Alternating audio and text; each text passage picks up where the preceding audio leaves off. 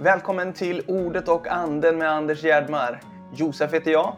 Vi vill vara med och utmana dig att ta Guds ord på allvar, stärka din tro på Jesus Kristus som Herre och Frälsare och ge dig en djupare förståelse av Guds ord. I det här tredje avsnittet så ger Anders några tips på hur du ska läsa för att förstå Guds ord på ett bra sätt. Eh, vi talar om bibelöversättningar och vi inleder faktiskt avsnittet med att tala om historiska händelser. Är de korrekta i Bibeln? Hur ska vi se på dem? Och vi talar också om det faktum att eh, Bibelns texter är ju skrivna på grekiska, de som våra biblar utgår ifrån. Men Jesus talade förmodligen inte grekiska till sina lärjungar. Och hur får vi det där att hänga ihop då med hur Bibeln är inspirerad? Välkommen att lyssna på vårt samtal.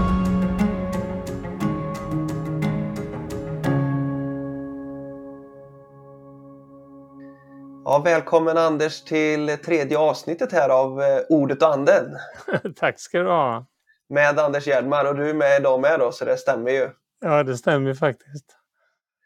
Vi har ju talat om eh, två avsnitt har haft innan då. Vi har talat om Jesus syn på skriften, äkta bibeltro, er första. Och sen talade vi, eh, vi gjorde en genomgång lite av både reformationen och bibelsyn genom historien från 1500-talet och framåt. Och lite historisk kritisk metod och hur den vetenskapliga kritiska bibelsynen växer fram. Eh, men i dagens avsnitt då så ska vi in och prata om, eh, fortsätta lite egentligen på det första avsnittet. Eh, och eh, det som jag har skrivit här då är ju just detta kring alltså lite mer praktiska saker kanske, lite frågeställningar kring hur, hur du ser på skriften då, hur vi ska hantera skriften, hur vi ska läsa Bibeln också. Mm. Och jag tänker vi, vi dyker in i detta på en gång. Ja, eh, gärna. Och eh, ett, ett eh, fråga då som jag har här, alltså på vilket sätt Bibeln eh, är Guds ord och om den är ner till varje bokstav, varje ord och sånt där. Det är sånt som man eh, frågar sig, det blir ofta lite teoretiska diskussioner liksom kring ofelbarhet och eh, sånt här och, och, hur man ser på inspiration. Liksom. Hur, hur, vad, vad, uttrycker man inspiration? Är det verbal inspiration eller har Gud bara inspirerat huvudtankarna i, i Bibeln eller är det liksom verkligen allting och så vidare? Eh, vill du eh, svara lite på det och utveckla lite kring det? Ja, eh, det där är ju ganska stora frågor, ganska svåra frågor. Och svårt, jag tycker det är svårt att beskriva det här egentligen. Alltså de här termerna som finns, alltså verbal inspiration. Verbum, ja det betyder ju ord. Och inspiration, ja men det är det vi använder när vi talar om att, att Gud har, ska vi säga, andats in eller andats ut skriften eller det, den är Guds andad. Eh, och hur är, har det gått till? För det första så tror jag inte på mekanisk inspiration. Det vill säga att vi säger, alltså någon slags zombie så här att plötsligt så blir man en zombie och, och så liksom bzzz, och sen så kommer det liksom någon slags nedladdning eller sådär. Va? Det tror jag inte, det finns i andra religioner och så men jag tror inte på det utan jag tror verkligen på det här samarbetet mellan Gud och människa.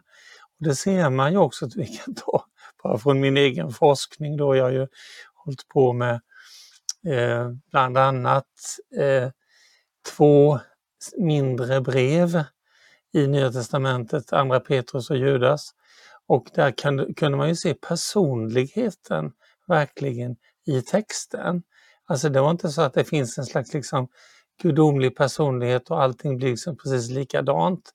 Utan texterna är väldigt olika och ju mer du kan grundtext desto mer kan man säga får, får du då komma in på livet på de här olika författarna. Till exempel faktiskt, om vi nu tänker så här, jag, jag är ju svensk. Jag skriver på engelska en hel del. Eh, men det blir ju aldrig perfekt. Va? För att eh, det blir swinglish. Va? Det var som någon sa, well, now we will english the text. sa en av mina kollegor då, som själv är österrikare, men eh, då har vi en vän som är amerikan som kan, kan English the text. Och det är precis detta att personligheten är där, eh, eh, och eh, på olika sätt, både känslolivet, eh, kunskaps, vilken kunskap man har, också vilka språkliga färdigheter man har. Så, så till exempel Andra Petrusbrevet är på ett sätt avancerat språkligt men också klumpigt ibland. Om ni ursäktar, det är det faktiskt. Det är liksom en, det blir lite konstiga konstruktioner på grekiska. Och när jag undersökte detta i min doktorsavhandling då kunde jag konstatera att språkfelen berodde på att det fanns ett hebreiskt eller arameiskt substrat som man säger, alltså en underliggande text. Det vill säga författaren Eh, första språk var eh, hebreiska eller arameiska, kanske ett semitiskt språk. Det stödjer ju då att Petrus också har skrivit det. Fast han var så pass duktig ändå på grekiska då, när vi är framme här på 60-talet, eh, att han fick till grekiskan ganska bra själv. Första Petrusbrevet skrivs ju med hjälp av sekreterare. Det sägs inte det vad det gäller andra Petrusbrevet. Men i alla fall, vad jag vill säga är detta att, att eh, bibeltexten är både gudomlig och mänsklig. För samtidigt som den är mänsklig, för det är den, så är det märkligt hur dessa ord kan tala till oss idag. Och det är just för att de är gudandade. Va? De är gudsandade. Och Gud klarar av det där med, med det här med två saker samtidigt. Gud kan göra detta med att det är sant gudomligt, det är sant mänskligt. Eh, så att det, eh, det tycker jag är viktigt, viktigt att, att peka på. Vad det gäller verbal inspiration, jag tror ju grundläggande på att ordet är inspirerat eh, orden är inspirerade. Alltså om jag skulle välja mellan tankarna inspirerade, orden inspirerade, ingen tvekan. Det är orden, orden är inspirerade. Själva orden är inspirerade. Sen kan man ju då gå för långt i allting och jag ska säga gå på ett onaturligt sätt in absurdum i resonemanget kring detta. Ja, men den där saken då, är den liksom verkligen inspirerad, säger någon då, som kanske egentligen är fiende till, till ordet. Va? Ja, det går alltid att hitta någon knepig fråga. Men grundläggande är det så att, att det här ordet som vi får, det är levande. Gud talar genom det här ordet. Gud förvandlar våra liv genom det här ordet. Vi är födda på nytt i kraft av ordet. Det finns massor med exempel eh, som jag kan peka på där, där skriftens bekännelse om sig själv är just att den är Guds andad och bär på Guds liv, så att säga, på grund av det. Mm. Om man då tänker liksom från, ja, om man tänker från eh, originalmanuskript och så fram till ja. idag och så tänker man på detta att om man tänker Jesus, liksom det som Jesus sa i evangelierna och sådär, så, så är det väl ändå så att, eh, att eh, texterna är skrivna på grekiska. Jesus mm. talade med största sannolikhet inte grekiska till lärjungarna antar jag. Nej, det, det, det har du nog rätt i. Det är inte helt klarlagt huruvida eller hur mycket Jesus kunde av grekiska. Det vet vi inte.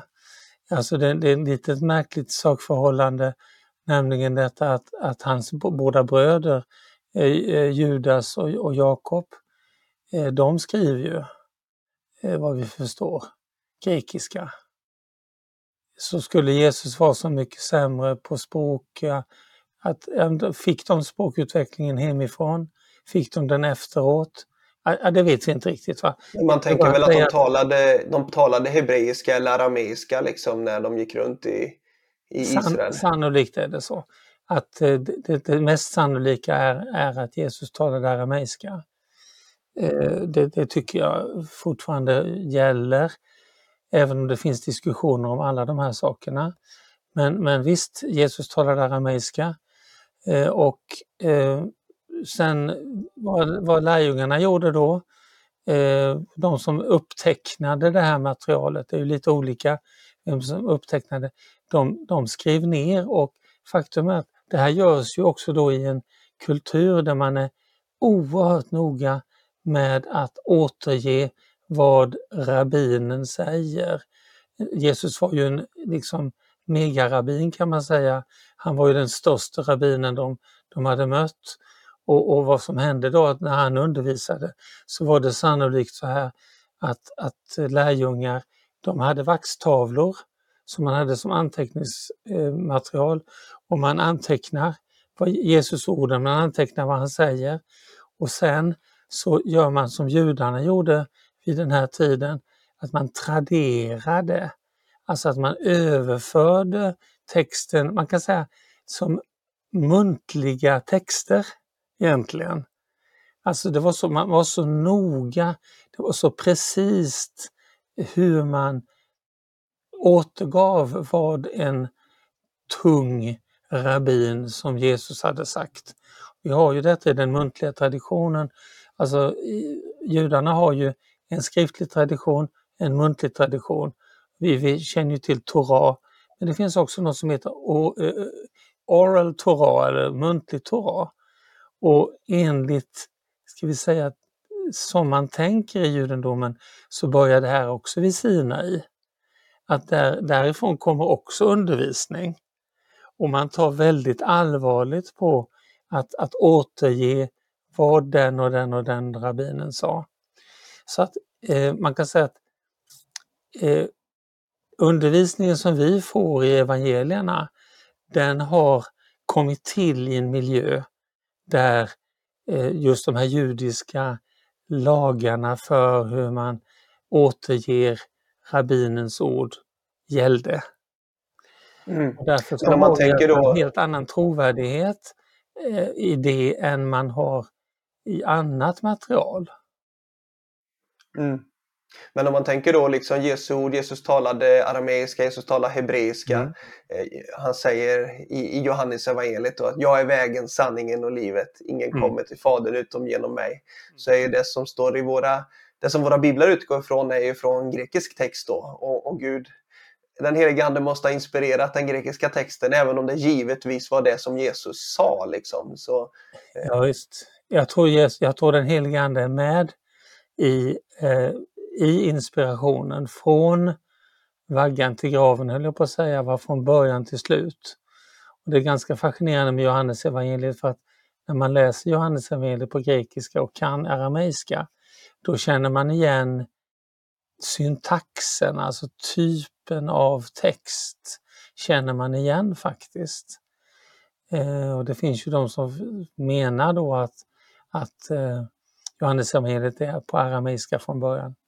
Att det ligger väldigt nära. Va? Så att, eh, men eh, man, jag, jag, tror för min del att Bibeln är sån som den helige Ande ville ha den. Den helige Ande har varit inne och petat både här och där för att få till det. så att säga. Och naturligtvis originaltexten är det som gäller. Det är inte den eller den översättningen som gäller utan en originaltext som vi inte har, eh, vi har inte några auto, alltså autografer som det heter egentligen, eh, som är verkligen eh, skrivna direkt av den personen, utan vi har avskrifter. Men vi har väldigt bra koll i forskningen på hur de här avskrifterna har gått till. Alltså det är en väldigt avancerad, omfattande forskning på hög kvalitet när det gäller ska vi säga, Bibelns trovärdighet. Man kan enkelt säga att eftersom det finns så många avskrifter så ser man väldigt lätt var felen har, har gjorts i avskrifterna. Ja, det kan man säga att det, alltså de duktiga, jag har stor respekt för duktiga textkritiker som det heter. Alltså textkritik det är ju textutvärdering och de har en väl utarbetad metod för att avgöra just hur, man kan väl säga egentligen hur en, en text utvecklas. Eh, för att det blir liksom som ett träd till slut. Det börjar med en rot och sen går det liksom ut, så grenar det ut sig efter ett tag på två grenar kanske. Och, och då får man lära sig att, att, att urskilja vilken är den mest troligast den äldsta.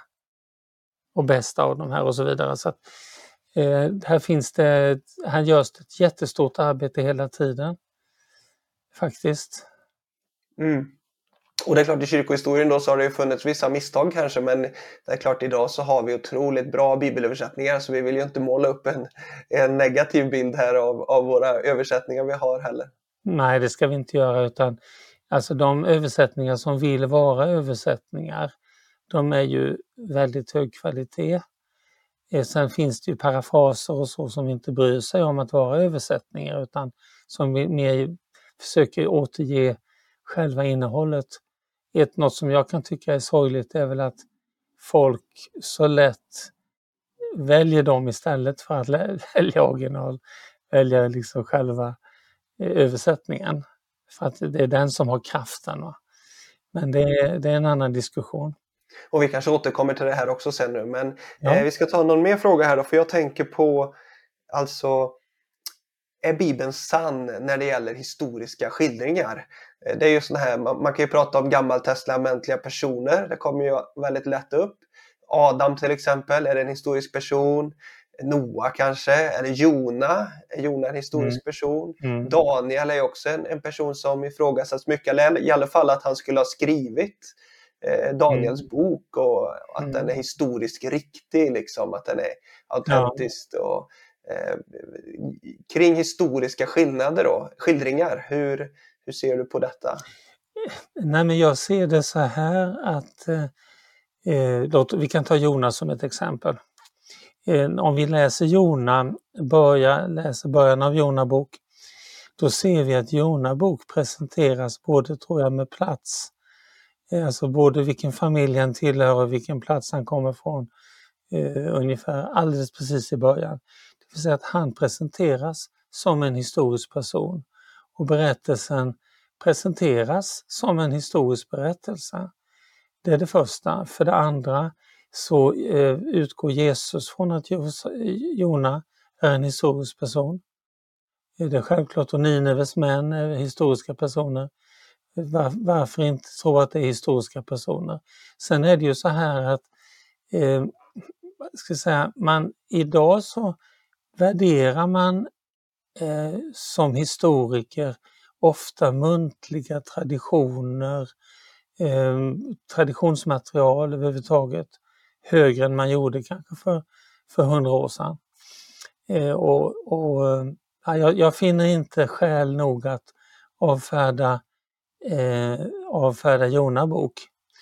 Vad det gäller Daniel så är det så här att det finns väldigt bra ska vi säga, lingvistiska undersökningar som alltså undersöker eh, precis hur orden används. Det finns ju väldigt många olika glosor i Daniel och Daniel har ju också både arameiska och, och eh, eh, hebreiska.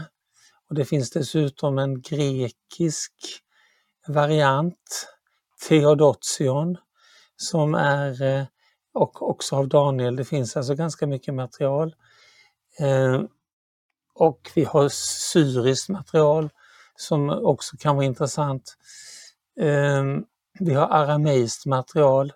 Alltså det finns en massa olika material. Men, men, men eh, vad jag har kommit fram till det är ju att eh, eh,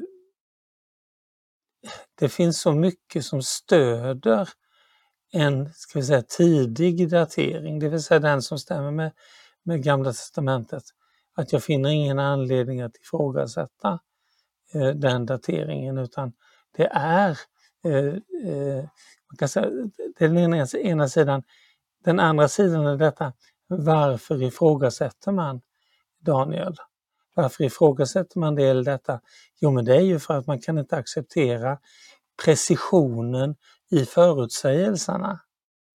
Alltså att Daniels bok förutsäger saker och ting som sedan verkligen händer. Det gör att då en, en stor grupp bibelforskare säger ja men det där måste vara påhittat i efterhand. En så kallad vaticinium ex eventu, en profetia utifrån händelsen. Men eh, för det är det som är men, själva sammanhanget med Daniel där, att, att de som är kritiska då till att eh, ja, Daniel, Daniel, enligt Daniels bok så skrevs den eh, innan eh, de här händelserna den beskriver då med Ja.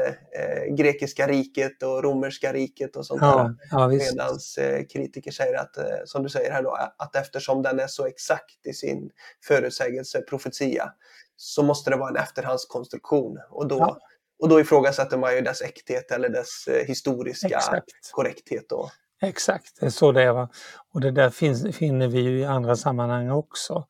Att eh, just när vi har en profetisk träffsäkerhet så ifrågasätter man eh, det här. Eh, så det gäller också det här med Jesus och förödelsens styggelse. Och det intressanta är att förödelsens styggelse det figurerar ju i Daniel också och i, i då evangelietraditionen. Så att, eh, vad var det du nämnde? Du nämnde Daniel, du nämnde Jona. Jag nämnde Adam gjorde jag också då. Alltså man kan ju Ja. höra pastorer och, och teologer som säger att nej men Adam behöver inte ha varit en eh, historisk person. Utan det kan vara en fiktiv personlighet här. Ja, det, visst kan man påstå det, men å andra sidan har man ju inte bättre bevis för det än man har eh, för motsatsen. Eh, Och dessutom är det så att Eh, Jesus räknar med Adam och Eva. Ska vi tro på Jesus eller inte vad det gäller de här sakerna? Ska vi tro att det är påhitt? Nej, jag gör inte det utan jag tror att jag tror på Adam och Eva.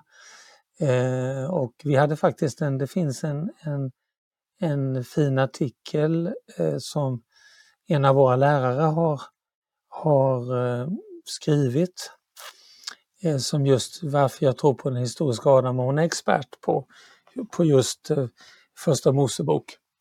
Så att nej, jag tror att det är en nödvändighet att Adam och Eva är historiska personer och, och urhistorien, alltså de här första kapitlerna, de är så otroligt viktiga för att forma hela vår världsbild.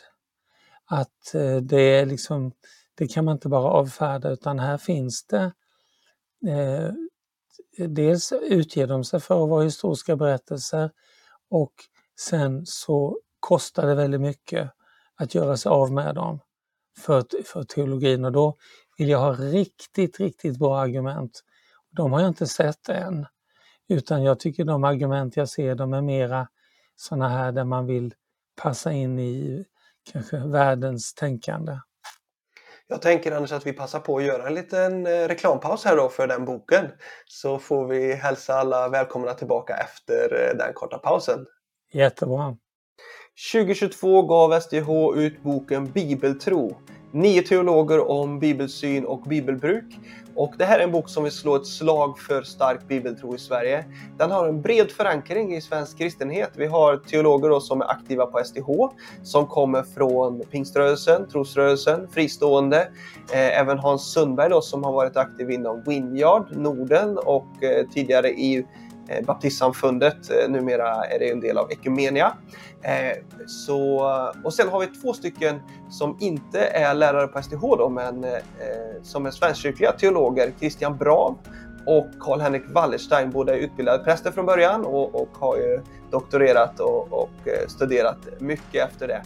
Så det här är en bok som är spännande. Jag vill nämna några stycken kapitel då som boken tar upp och bland annat har vi Hans Sundbergs kapitel som handlar om de tidiga baptisternas och pingstvännernas syn på Bibeln. Deras starka bibeltro. Anders Wiberg, eh, Sven Lidman, Levi Petrus. Hur såg de på skriften? Otroligt intressant. Vi har även historiska överblickar över bibeltro i Sverige och bibelsynen i Sverige. Eh, eh, framförallt inom Svenska kyrkan då, av Torbjörn Aronsson och Christian Brav. Eh, utöver detta så har vi kapitel av Karl-Henrik Wallerstein då, som handlar om slaget om Gamla Testamentet. Alltså, ska vi som troende stå fast vid eh, klassisk kristen tro kring Gamla Testamentet? Ingrid Faro, som är våran eh, lärare från eh, Staterna, hon skriver även om hur vi ska se på Adam och Eva. Så vi har flera heta, spännande saker i boken här. Gå in och köp den på STH förlag sthforlag.se. Så tack så mycket! Välkomna tillbaka eh, till samtalet här med Anders. Ordet och anden med Anders Gerdmar. Och vi pratar ju om eh, Bibeln givetvis då. Det kommer vi göra mycket. Eh, och eh, lite specifika frågor kring hur, hur, vi ser på Bibeln här då. Om Bibeln är eh, eh, korrekt i vad den anger. Och vi har pratat lite historiskt, eh, historiskt här nu då. Om eh, hur vi ska se på historiska händelser och personer i Bibeln. Men eh, vi tar och hoppar vidare här då. Jag tänker att vi ska fortsätta prata om här hur vi ska förstå och läsa Guds ord. Här finns det väldigt mycket bra vi kan ge till alla som lyssnar och som du kan delge Anders.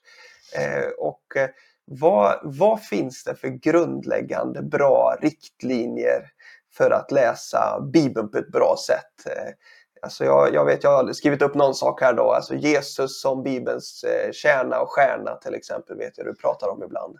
Ja, just det. Det är ju Luther som pratar om det, Jesus som Bibelns kärna och stjärna.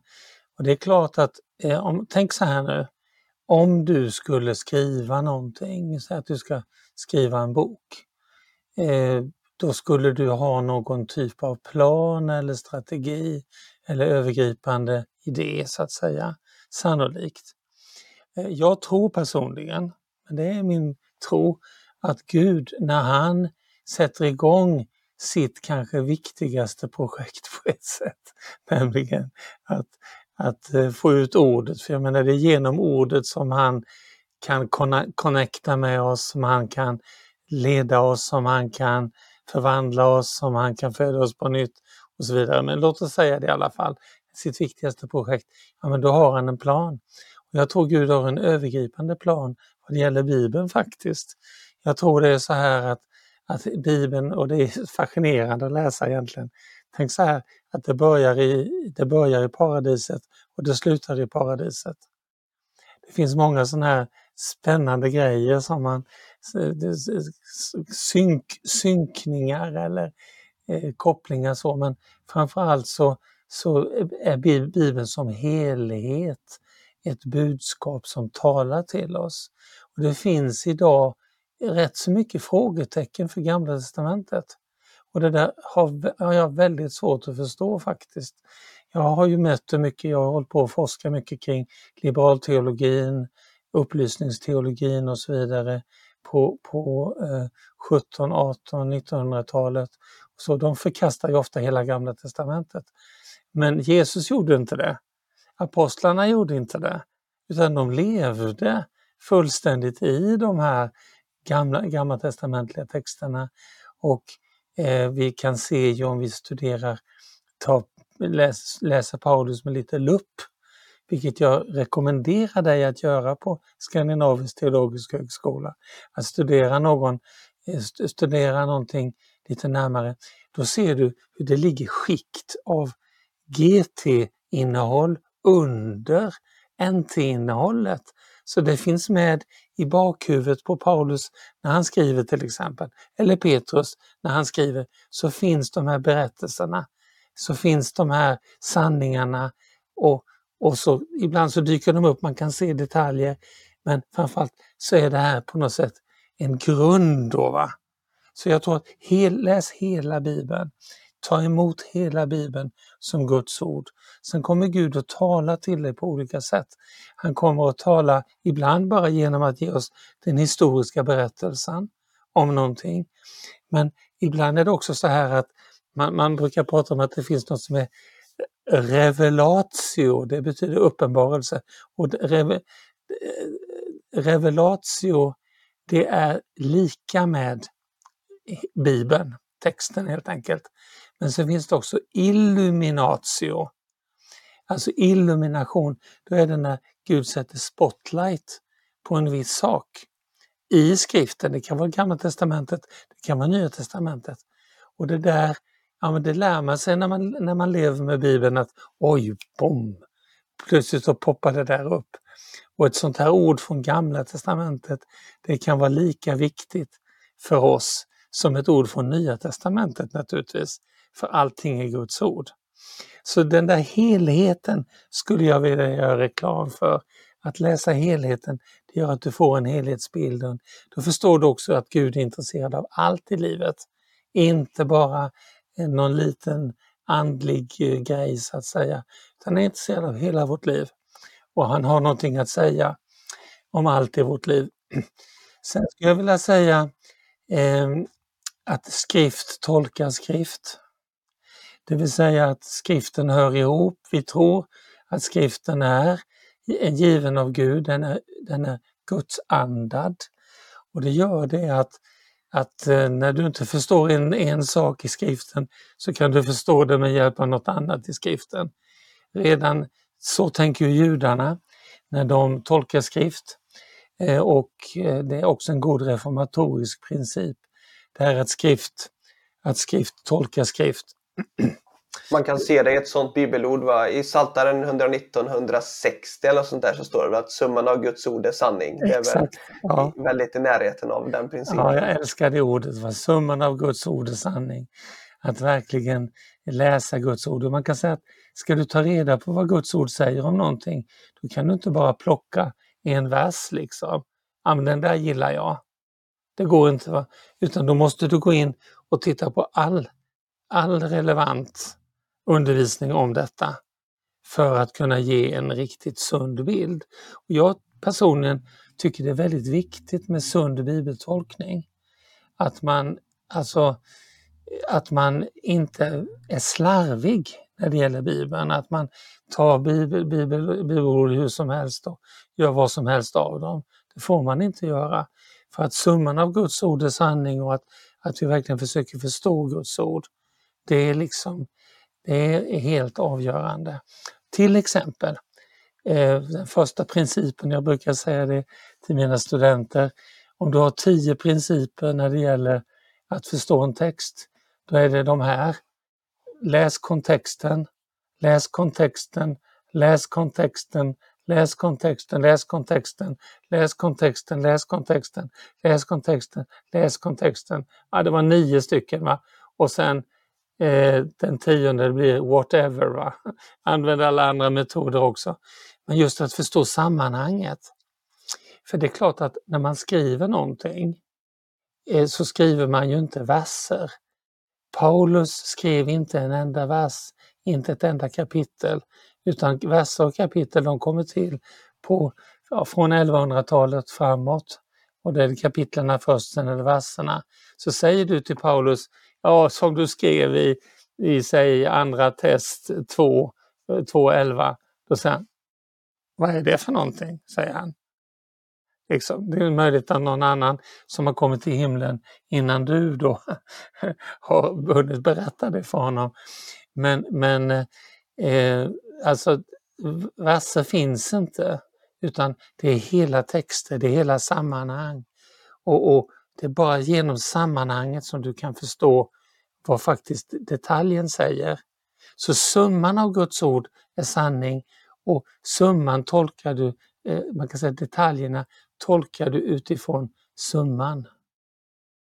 Det gäller både det stora sammanhanget och det gäller det lilla sammanhanget. Och jag tycker det är jättespännande. Jag hade ett tillfälle nu för ett tag sedan jag predikade över Hebreerbrevet. En sån här text som jag har predikat över och funderat över hur mycket som helst under många år eh, om det här med, med eh, eh Guds ord i Hebreerbrevet 4. Men så började jag läsa kontexten, läsa sammanhanget och jag fick en helt annan predikan, en helt annan skärpa. Eh, det drabbade mig rejält, det som Herren sa där. Och, och jag kände liksom, märkte det att när jag delade detta med människor såg de någonting annat än de var vana vid. Va? Så att helheten är en gåva. Sen kan det samtidigt vara så här, alltså jag, jag värjer mig mot att vara överintellektuell när det gäller Bibeln. Alltså i och för sig, jag har all den utbildning jag kan behöva faktiskt eh, för det här i stort sett. Jag vill naturligtvis lära mig mer. Men, men, men jag vill aldrig bli för intellektuell när det gäller Bibeln. För snusförnuftig. Va? För att Gud kan också använda ord på ett sätt som jag inte förstår eller jag kanske inte kan få ihop logiken alltid heller. Va? Och det finns något profetiskt också eh, vad det gäller att förstå ordet, där Gud använder ordet profetiskt. Gud, Gud tar ett ord som kanske har varit uttalat i en viss situation, en viss historisk situation för tusen år sedan, 2000 år sedan, eh, 2000 år sedan eller mer snarare. Va? Och wow! Det talar till mig nu. Och det betyder jättemycket för mig nu. Och jag tror många av er som lyssnar på det här känner igen er i detta. Eh, så, och det är ett profetiskt sätt för Gud att använda ordet. Eh, så ordet kan användas både så här att man gör det väldigt intellektuellt och klart och tydligt och absolut rätt att göra det. Men man måste vara öppen för hur den helige Ande kan vilja använda ordet. Just det.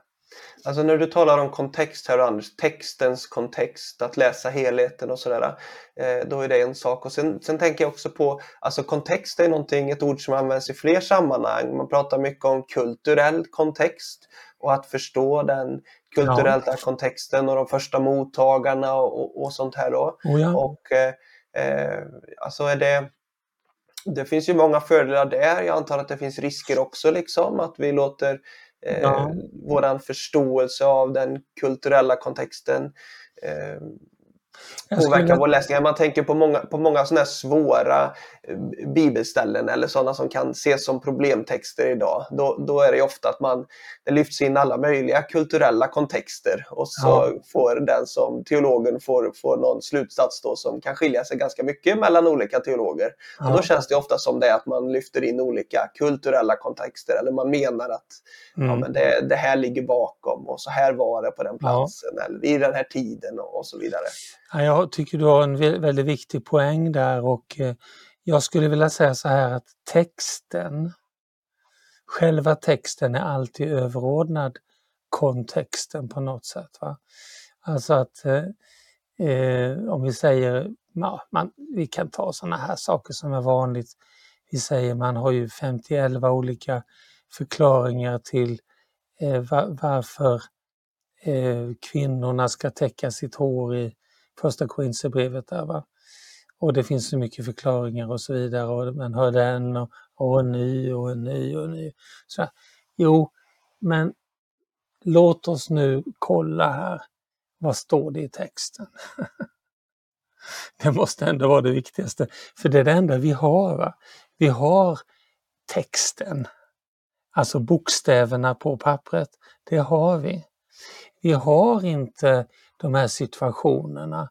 Vi kan ta till exempel Korint. Om vi tittar på Korints historia så var det så att det fanns en tempelprostitutions eh, kult och så vidare och prostitution väldigt mycket eh, i, i Korint. Men när fanns den? När grasserar det här systemet? Jo, men det gör det några hundra år före, före Kristus då. Ja, men är det då relevant eller inte? Ja, men det är inte alls säkert att det är relevant efteråt. Va? Så ytterst är det alltid själva texten som måste avgöra vad kan jag belägga utifrån texten. Och där måste man vara försiktig då. Va? Sen, en annan sån där sak som klassiker det är ju hur man använder orden, ordstudier. Det vill säga man kan ju, det kan man också ofta få höra från ursäkta mig nu, men olärda personer vad det gäller just språken eh, kan predika över någonting och så predikar man över ett antal ord då som finns i, i Bibeln. Och så kan man hitta det och det och det och detta så att säga. Men det är ganska komplicerat med ordstudier egentligen. Du får, när du tittar på ett ord, ja men du får titta på ordet men så får du titta på för det första då kontexten. I vilket sammanhang används det här ordet?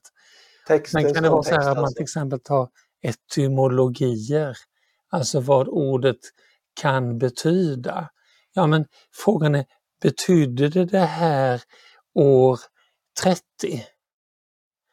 Eller betydde det det här år 300 före Kristus? Eller betydde det här år 300 efter Kristus? Ja, men de sakerna måste vi ta reda på om vi gör ett, ett seriöst ordstudium.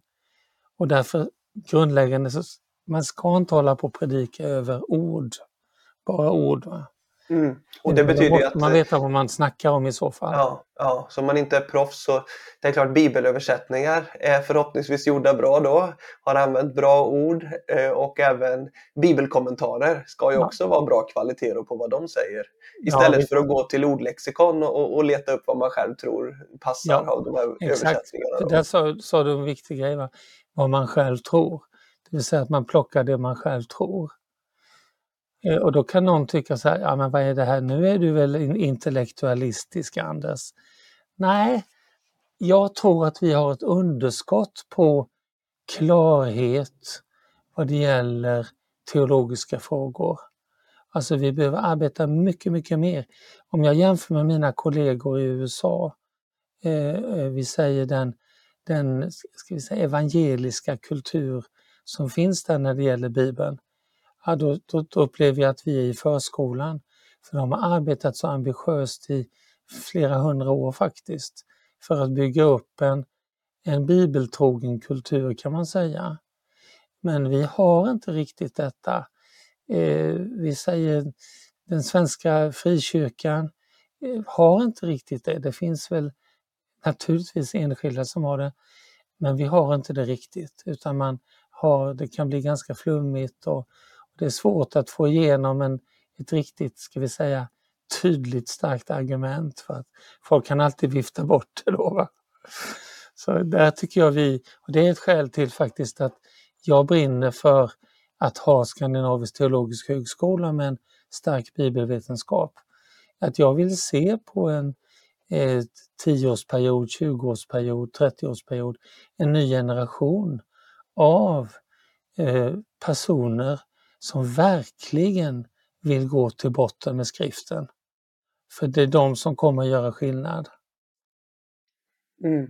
Köp, köp fler bra bibelkommentarer och bra eh, bibelutläggningar på olika ämnen. Och då får ja. man gärna höra av sig till SDH så kan man säkert få tips på, på vad som är bra. För det finns ju dåligt där också givetvis. Ja, visst, eh, och, gärna. Eh, Eh, jag tänker annars bara för att koppla åter till det här med kulturell kontext att det måste väl ändå vara så att alltså, om, om vi vet den korrekta kulturella kontexten då kan den säkert vara nyttig för oss. Problemet är väl att den är svår att nå många gånger. Det är ju så. Det är precis detta att det är väldigt svårt. Vi har ett, ett, ett arbetssätt som jag själv använder och jag lär ut till våra studenter och där har vi just det här med att, att eh, vi studerar text, textvärlden. Vi studerar symbolvärden, det vill säga, eh, ska vi säga de övergripande tankarna, tankesystemen och sånt. Och vi studerar den konkreta världen, historiska världen. Men, men då säger jag alltid det, ytterst är det alltid texten du måste kunna luta dig emot. För annars så blir det inte trovärdigt. Mm. Jag tänkte vi skulle avsluta och prata lite om det här med bibelöversättningar också. Ja, ja. Det är någonting som är lite intressant ändå. Och eh, grundläggande kan man ju ställa frågan så här att ja, men lyser bibelöversättares tankar igenom för mycket? Eh, det är ju, eh, om du vill säga något kort om det först. Generellt alltså, är det ett, ett problem? Alltså jag tycker väl, jag tycker väl så här att de bibelöversättningar vi har, de är ju väldigt ambitiösa. Och de försöker verkligen göra någonting eh, bra. Va? Det, det, tror jag. Ja, man, kan, man kan se sen på vissa punkter, man kan se olika bibelöversättningar, man kan se hur de försvarar sina favoritidéer, driver sina favoritidéer. De kanske inte själv vet om det. Som lutheran, man kanske inte vet att man tolkar vissa saker på ett visst sätt eller som adventist att man tolkar vissa saker på ett visst sätt. Så att det där finns. Eh, men generellt sett så vill, vill ju en bibelöversättare verkligen återge Guds ord. Sen har du en annan sida och det är ju det här med översättningsteori. Vad har man för ambition? Har man ambitionen att, ska vi säga, återge texten så noggrant som det bara går? Eller har man ambitionen att eh, eh, ska vi säga, översätta tankarna.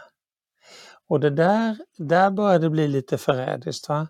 Och det var ju så med Bibel 81 att den, eh, och som sen blev 2000, den hade ju mer ett sånt tänkande som byggde på Naidas teorier då. Och där man försöker med översättningar då där man, man försöker ta vara på, ska vi säga, själva eh, vad man upplever som innehållet. Men då ser du, du då kommer det in en subjektivitet också. Va? Min personliga, eh, min, min personliga, eh, jag skulle säga, favorit vad det gäller bibelöversättningar, det är ju en som verkligen försöker återge grundtexten men klarar av att fortfarande översätta till till exempel svenska eller engelska. Och det är svårt. Det är ibland jättesvårt. Det är ibland, jag skulle säga nästan omöjligt att översätta vissa grekiska texter. Så jag vet, jag hade en, en lärare till exempel som eh, i grekiska då som eh, jag läste, eh, han frågade vad gör du nu för tiden? Det var efter jag hade läst för honom klassisk grekiska. Ja, jag undervisar på, på teologen, sa jag. Ja, vad är det för texter? Ja, det är ju Efesierbrevet och, och Kolosserbrevet. Aj, aj, aj, aj, aj, sa han. Det är bland de svåraste texterna som finns i hela den grekiska litteraturen. Och, och det är faktiskt så att de är inte lätta att översätta alls. Eh, för att vi har liksom inte samma språkliga konstruktioner som man har i, i grekiskan till exempel. Men icke desto mindre så de flesta gör sitt bästa. Mm. Stor respekt och, och heder till de som har översatt Bibeln antar jag att det vill man gärna skicka med här att det är ju ja, fantastiskt. Verkligen. verkligen. Sen har du ju sånt där som jag tycker är rent ofog.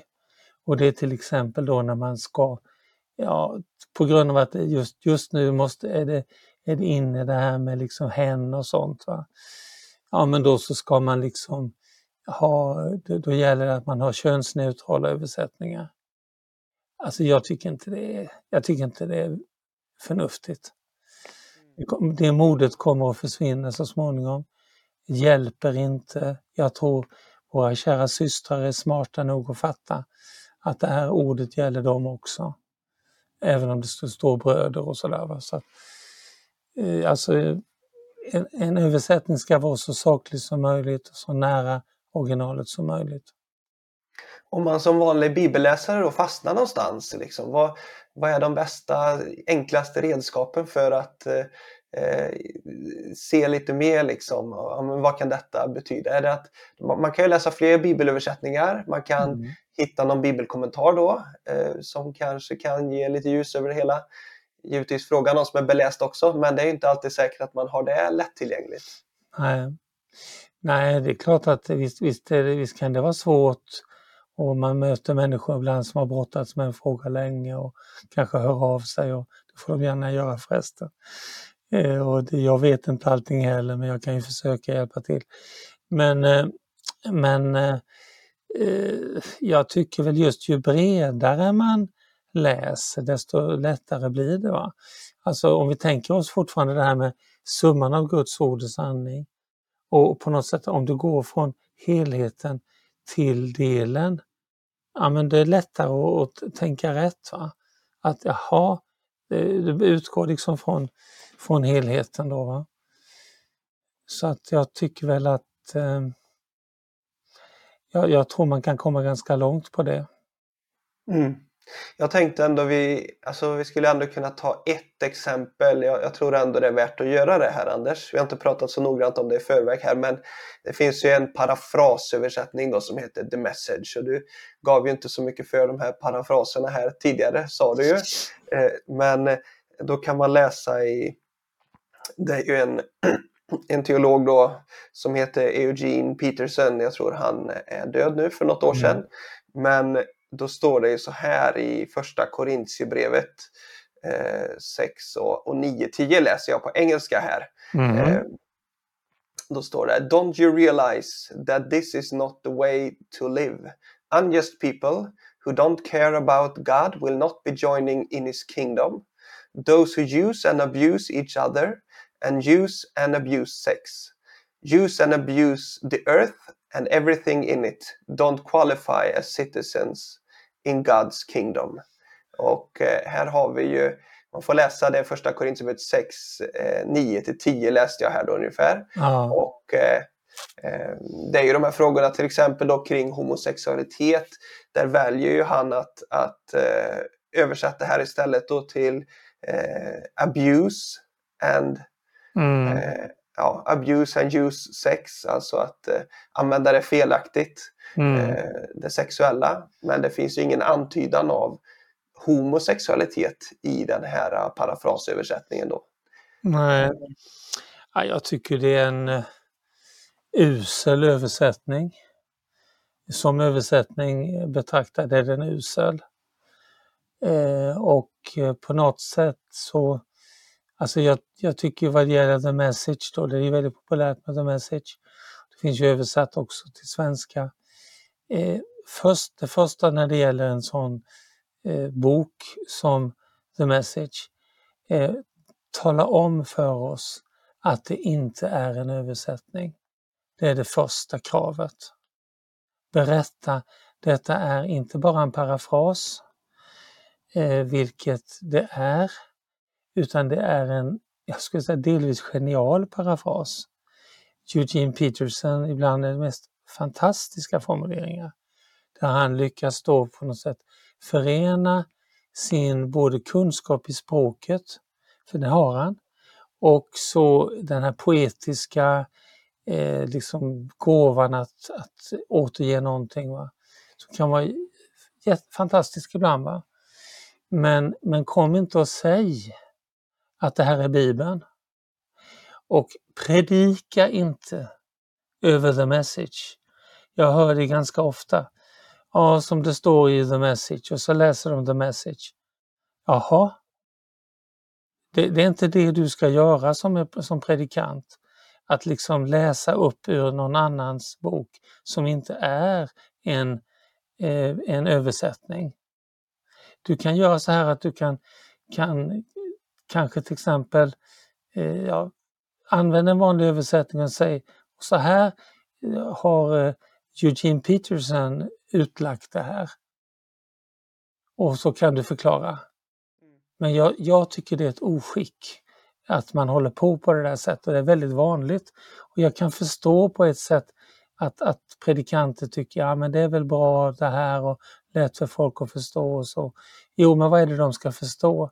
Ska de inte förstå vad, vad Gud vill?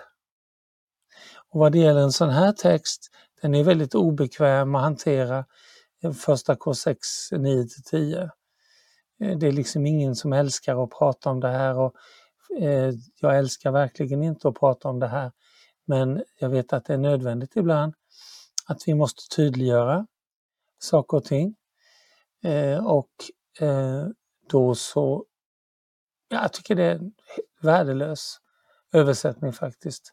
Nästa fras här är också väldigt intressant, intressant och du får ju, vi har inte pratat om i förväg så det kanske är en bra översättning här då eller en bra parafras här då. Men han skrev ju så här use and abuse the earth and everything in it. Och jag vet ju i folkbibeln till exempel så står det utsugare då som inte ska ärva Guds rike. Och jag tänker ju spontant när jag läst detta då tänker jag ju att ja, men utsugare, är det utsugare av jorden? Det måste väl vara utsugare av människor liksom som Mm. det syftar på. För att det känns ju inte som att det fanns så mycket miljöaktivism liksom på, på 00-talet eller vad vi är då. Men det, men det kanske kan innebära lite, men det känns ju som en väldigt PK, väldigt liksom modern variant här som Ja, man väljer. Nej, bara, bara, kom bara inte och säg att det är en översättning. Men säg att så här tolkar jag den här texten. Eh, Okej va? Jag tror personligen vad vi behöver det är mera Guds ord, mera original, mera av Guds eget tilltal in i människors liv.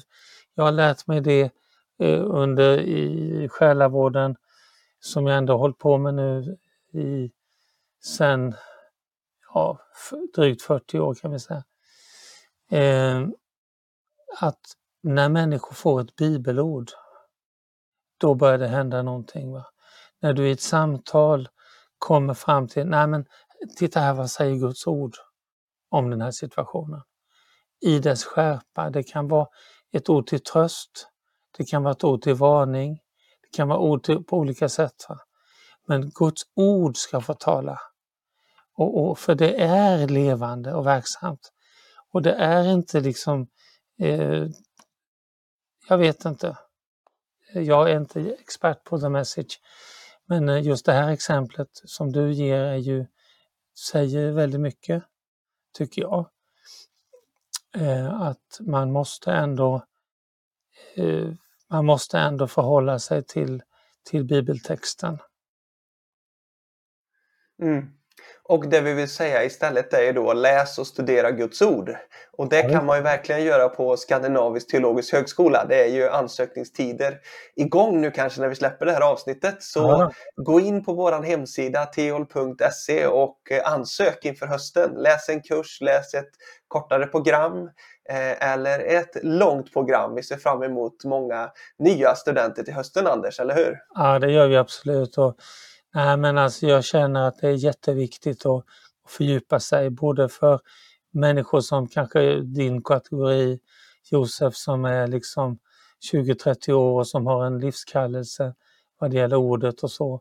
Men också kanske för dig troende, eh, var du än är, var du än lever, men att bara fördjupa dig. Man kan skippa något annat som tar tid och så kan man ta och plugga istället och vi hjälper dig att hitta rätt böcker och så vidare. Och, och, och så vidare. Så att jag, jag, tror vi behöver en ny generation av, av pålästa bibeltroende. För att du kan inte alltid räkna med att din pastor kommer att, att eh, säga precis som, som, det, som, det, som det står i skriften. Jag, säger, inte, jag tänker inte på någon speciell pastor men jag vet att problemet finns. Jag vet att många är förtvivlade över att de inte får riktig vägledning. Nej, men fördjupa dig själv. Läs Guds ord. Och pastorn har man inte med hela tiden oavsett. Så sitter man i en hemgrupp eller pratar med en granne eller något så kan det vara bra att fördjupa sig i ordet. Ja, visst, det kan vara tungt att gå och bära på en pastor, vet du. Gud välsigne alla pastorer får vi ja, säga. absolut, ja. absolut. Eh. Men, men ändå, låt oss ha en, en, på något sätt, det finns någonting i väckelse som är att de troende själva skaffar sig kunskap och, och går, går nära Herren och behöver inga filter emellan. Och då blir pastorn en gåva, en tillgång och de andra tjänstegåvorna. För det är det vi tror på också på, på Skandinavisk teologisk högskola apostlar, profeter, evangelister, herdar och lärare. Då blir de en, en tillgång. Men du som troende är alltid eh, den slutansvarige, slutansvariga personen eh, att ta, ställ, att ta ställning till saker. Och då behöver du själv studera. Mm. Amen. Nu måste vi landa här. Så tack så mycket Anders för samtalet. Och eh, Gud välsigne er alla som tittar och lyssnar. Så hörs vi framöver igen. Yes. Vem ska predika och undervisa i Sveriges församlingar framöver? Kommer det finnas bibeltrogna ledare för svensk kristenhet?